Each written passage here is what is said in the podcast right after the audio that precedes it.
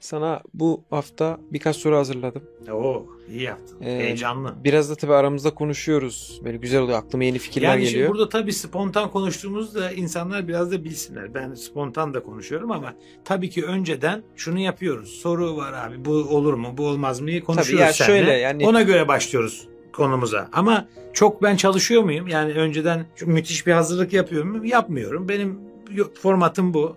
Dinleyenler e, bilsinler, izleyenler. Çok fazla çalışıyorum. Benim kendi kültürel bir, birikimimden süzerek, e, filtreleyerek, oradan onu, oradan onu alarak kendi yorumlarımı orijinal yorumlarımı. Zaten orijinal yorum olmazsa belirtmeye çalışıyorum yani. Her zaman belirtin. Ben şundan öğrendim. Bu onun lafıdır falan diye belirtiyorum. Diğer videolarımda da yer yer görürsünüz. Onu ben de söyleyebilirim. Yani burada mesela az önce e, frambuazlı kurabiye yerken birkaç Evet. soru geldi aklıma. Evet. Sordum ki şey olsun diye yani bir Tabii. fikir birliğimiz olsun. Yani bu Evet. bu şekilde sorulabilir mi diye. Çünkü Tabii. insan aklına her şey geliyor ama her şey bir soru niteliğinde olmuyor. O yüzden sana bugün değişik bir sorum var. Benim bayağıdır kafam kurcalıyor. İnsanlar neden gömülür? Yani Ha, Müslümanlıkta okey. Evet. gömülüyor. Hristiyanlıkta da bir kısmı gömülüyor herhalde, bir kısmı yakılıyor. Farklı Tabii. inançlara göre değişiyor. Hint mitoloji yani Hint dininde, Hindu dininde genellikle yakılır. Kül haline getirilir. Sonra da Ganj nehrine yakın insanlar da Ganj nehrine küllerine bırakmak isterler. Çünkü çok kutsal görüyorlar. Orada hani tekrar doğaya karışmak gibi. Bedenin doğaya karışması. Ama kül olduktan sonra karışmasının çok bir kıymeti yok. Ama gömülmenin kıymeti var. Herhangi bir canlının yani organizmanın karbon bazlı yaşam olan bütün canlılar karbon döngüsüne katkıda bulunurlar. Biz ölüyoruz ki diğerleri yaşasın. Ölen canlılar yaşayanlara besin ve enerji kaynağı olurlar. Bazen mesela petrol de bir enerji kaynağı. Petrol nedir? Aslında organizmaların çok zaman sonraki halidir yani. Sonuçta onlar da organikti. Yani karbon bazlı e, yaşamlardı, organizmalardı. Şimdi insan neden gömülür? İki taraflı bir soru. Bilimsel olarak gömülmek en güzelidir. Çünkü biz de topraktanız. Yani topraktan ne demek? Şimdi biz nasıl yaşıyoruz? Nefes alarak okey.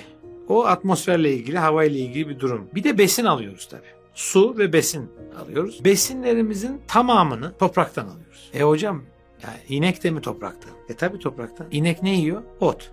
E ot nereden çıkıyor? Topraktan. Yani ne kadar tohum ayrıymış gibi gözükse de tohum da ilk topraktaki minerallerin, atomların, moleküllerin dö- dönüşmüş hali.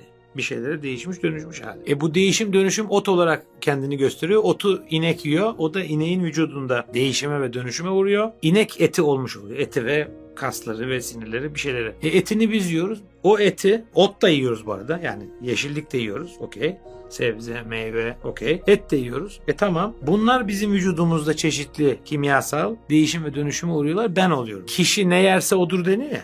Sen yediğinsin. Ye- Ne yersen olsun. Çok doğru bir laf o. Yani ne yersen olsun sen oluyorsun yani yediklerin. Bir de tersten bakmak lazım. Yediklerin de sen oluyor. Şimdi sen bu dünyadaki yaşamın bitince yani biyolojik olarak ölü olmuşsan tıbben biyolojik olarak ölü olmuşsan ex dediğimiz ex oldun. Şimdi ex olduktan sonra vücudun da başka değişim dönüşüme de uğruyor. En güzel insanlara en yararlı olacağın yer toprağın altıdır. Çünkü toprakta mikroorganizmalarda küçük yani leşçil, böcekler ve bazı başka hayvanlar, solucanlar falan ne yapıyorlar? Onlar seni yine değiştirip dönüştürüyor ve toprağa karışıyorsun. Tekrar e, karışıyorsun derken tabii ruh olarak sen burada değilsin. O da ayrı bir konu. Onu başka zaman işleyeceğiz. Bedenimiz topraktı zaten. Toprağa tekrar döndü. Gömülmenin böyle bir esprisi var. İyi bir şey. E, dini olarak nereden referans alıyor? Şimdi Allahü Teala bize şunu öğretiyor. Hazreti Adem'in oğulları Kabil diye bilinen ama asıl ismi Kain yani daha çok Kain'dir onun ismi. Kabil Habil'e benzediği için amiyane olarak yani halkta böyle zannediyor. Habil Kabil diyorlar ama aslen Kain. Şimdi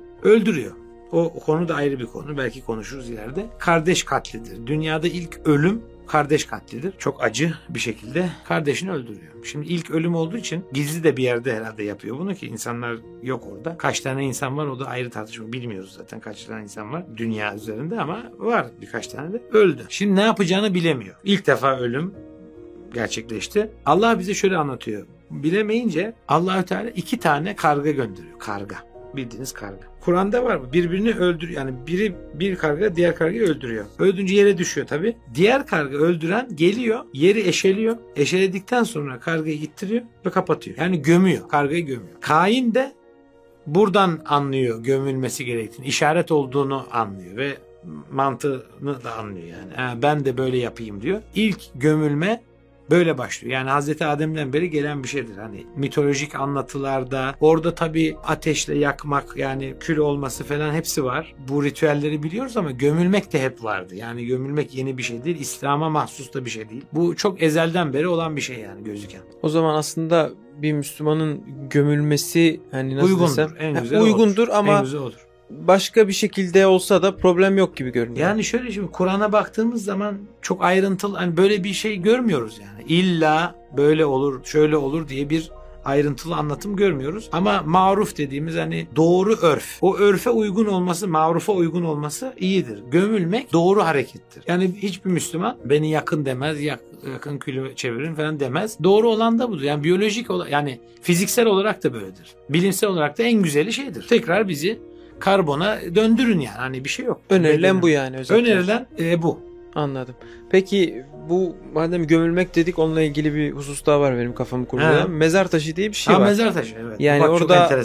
Ölüle yani ölü olan adamın adı yazıyor. Bir de işte Hı, ha, o ruhana taraf. Fatiha yazar. İşte bir de son sözü mezar taşıma şunu yazın falan dediyse mesela bilmiyorum. O olabilir. Senin Şey- var mı öyle bir talebin Şu, abi? Benim talebim hiç yok. Benim, benim hiçbir talebim yok. O zamanın e, ruhuna yani en masrafsız, en böyle sade nasıl olabiliyorsa öyle olsun istiyorum. Hiç öyle arkamdan merasimler falan hiçbir şey istemem. E, öyle bir şeyin olmadığına inandığım için benim diğer videomdan da görebilirsiniz. Ölmüşse dua etmenizi bekleriz. Yani bir insanın dua etmesini, biz Allah'ın rahmetini dilemelerini dilerim. Başka bir şey istemem. Yani ruhuna Fatiha kendi ruhuna okumakta fayda var. Yani insanın kendi ruhuna beynine okusun. Ölüye okumaktansa kendine okumasında çok büyük fayda var. Mehmet Okuyan Hoca vardır. İyi bir profesör. Onun çok güzel bir lafı var. Yani ölüye Kur'an okumak trafik kazasında ölmüş birine trafik kurallarını okumaya benzer. Bunu bahsetmiştim hani ölüye değil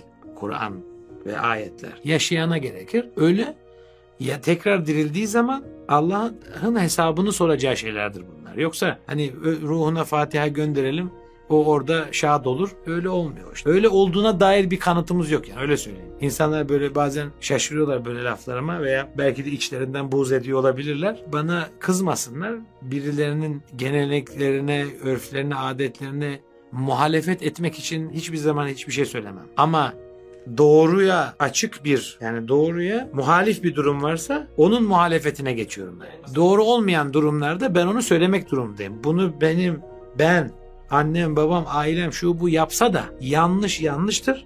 Doğru doğrudur. Alper bunu tespit etmiş olabilir, edememiş de olabilir. Mesele hiç Alper şu bu değil. İnsan meselesi değil. Doğru bir tanedir. Hiçbirimiz tespit edememiş olabiliriz o doğruyu. Ama şu hiç olamaz. Senin doğrun var, benim doğrum o hayatta beni tanıyanlar bilir. Hiç kabul etmediğim bir e, felsefedir. Senin doğrun, herkesin kendine göre doğrusu vardır. Doğru bir tanedir. Onun peşinde olmalıyız. Varabilir miyiz, varamaz mıyız? Hakikate ulaşabilir miyiz? Başka konular. Mesela felsefe hakikate ulaşma yoludur, ulaşma çabasıdır. Bu yolda olmaktır. Doğru düşünmek demek felsefe. Doğru düşünmek Allah'ın da emridir. Yüzlerce ayette Allah düşünmez misiniz? Akletmiyor musunuz? Hala düşünmeyecek misiniz gibi e, çokça, çok sayıda adet, ayet var. Bu ayetleri çok önemsemek gerekir. Doğruya, hakikate ulaşmayı arzu en azından etmek gerekir. Bu yolda gayret etmek gerekir. Mezar taşı dediğin şeyde enteresan bir durum var. Taş konusu önemli bir konu. Tarihin bilinen ilk inanç merkezi olan, tarihte bildiğimiz ilk inanç merkezi olan Göbekli Tepe ki çok büyük bir olaydır. E, Bununla ilgili ayrı videomuz var. Onu da izlemenizi tavsiye ediyorum. Göbekli Tepe'de şunu anlıyoruz. Taşlar var, çeşitli yapılar var ve ana odak taş. Genellikle T şekilli, T şekilli büyük steller. Stel deniyor ona. Dikili taş. Dikili taş deyince mesela sizin aklınıza Sultanahmet'teki dikili taşlar gelir. Mısır'daki piramitler bile gelmelidir normalde. Anıtsal yapılar hep dikili taşlardan geliyor. Ve yaklaşık günümüzden 12 bin yıl öncesine dayandırılan bir tarihten bahsediyoruz. Şimdi buradaki bu Göbekli Tepe'de anlaşılan bir inanç merkezi olması ve taşlar olması. Şimdi mezar taşı belki de buna yemin edemem. İnanılmaz emin değilim. Neden? Çünkü böyle bir kanıt yok yani. Kur'an'da da yok. Herhangi bir bilimsel kimse de diyemez ki illa da buradan gelmiştir ama şurası tarihte, arkeolojide, antropolojide bir gerçek ki atalar kültü denilen bir inanç var. Kült demek e, inanç sistemi demektir. Dinleşmemiş, peygamberi ve kitabı olmayan belki ama inanç sistemidir. Belirli bir yapısı vardır. Atalar kültü, atalara tapınmak, ataların ruhlarına tapınmak bizden önce gelmiş geçmiş atalarımıza tapınma. Bu hala günümüzde Asya, uzak Asya'da hala devam ettirilen gelenekler vardır. Belki Japon animelerinde, mangalarında görmüş olabilirsiniz. Küçük küçük böyle küçük irili ufaklı taşlar olur. Bir evin bir köşesi veya bahçenin bir yerinde İngilizce hani shrine dedikleri böyle bir anıtsal gibi bir yapı olur. Fotoğrafları varsa fotoğraf, resim varsa resim. Bunlar koyulur ataların. Yazıları yani isimleri falan yazar. Bir de küçük taşlar da olur. Mum da falan da yakarlar. Orada dua ederler. Orada ettikleri e, dua aslında direkt ruhlaradır. Yani o ruhları dua ederler. Avatar çizgi filmi var falan. Onu izleyenler de bilir. Yani Avatar değişim karakter demektir. Avatar onun bedenlenmesi demektir. Ruhlar hep döngü içindedir falan. Bu ruhlara tapınmaktır atalar kültü. Taşın şöyle bir özelliği var orada. Taşla ne alakası var? Göbekli Tepe ne alakası var diyeceksiniz. Şöyle bir ciddi bir alakası var. Taşların ruhların sığınağı olduğu inancı taşlara siniyor. Şimdi ruhlar taşlara sinince o taşlara reveransta, saygıda, ibadette, secdede falan bulunmak o ruhlara bulunmak gibi oluyor bu sefer. Ona tapınmak gibi oluyor. Şimdi ne oluyor? Göbekli Tepe'de iki tane çok büyük özellikle C yapısı dediğimiz ana yani büyük tapınakta ortaya çıkarılan büyük tapınakta iki tane 6 metre yüksekliğinde 24 ton ağırlığında yekpare kireç taşları var. T şeklinde. T şeklinin dar tarafı yani nasıl söyleyeyim T'yi böyle yaptığımız zaman bu tarafına bakın. Yani şöyle şu tarafına. ince tarafında insan olduğunu anladığımız, insan oyması, yontması olduğunu anladığımız bir yer, bir e, stelo, anıt taşı. Elleri gözüküyor. Post giydiği yani kemer yapmış, post giymiş insan. Enteresan fakat olay yine yüzü yok. Yüz yapılmamış. Burayı Göbekli Tepe videosunda insanlar daha iyi şey yapabilirler. Burada mezar taşına bağlamak istiyorum. Mezar taşı da belki bu inançtan yani taşların çok e, kutsal göründüğü inançlardan kalan bir şey olarak görüyorum ben. Özellikle Anadolu. Zaten Göbektepe Anadolu ya. Medeniyetlerin beşiği dediğimiz Anadolu şaka değil böyledir gerçekten. E, buradan dünyaya yayılmış olma ihtimali var. Yani bu ya, taş e, kültünün, taşlara önem vermenin.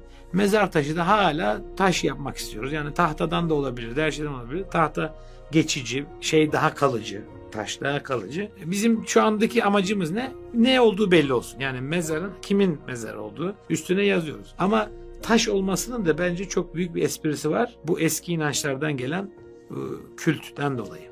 Tamam bu güzel bir cevap. Yani beni tatmin etti öyle söyleyeyim ama e, bunu düşünürken yine bir şey geldi aklıma. Hani kim olduğu Gelmiştir. belli olsun falan dedin. Bu eşleri falan yan yana gömerler. Hı. İşte ne bileyim amcası aile mezarlığı falan. Bunlar niye var yani? Daha doğrusu şunu sorabilirim. Ha. Bunların İslam'da bir yeri var, Müslümanlıkta bir yeri var mı yani? Önemli olan benim için o. Çünkü Yok.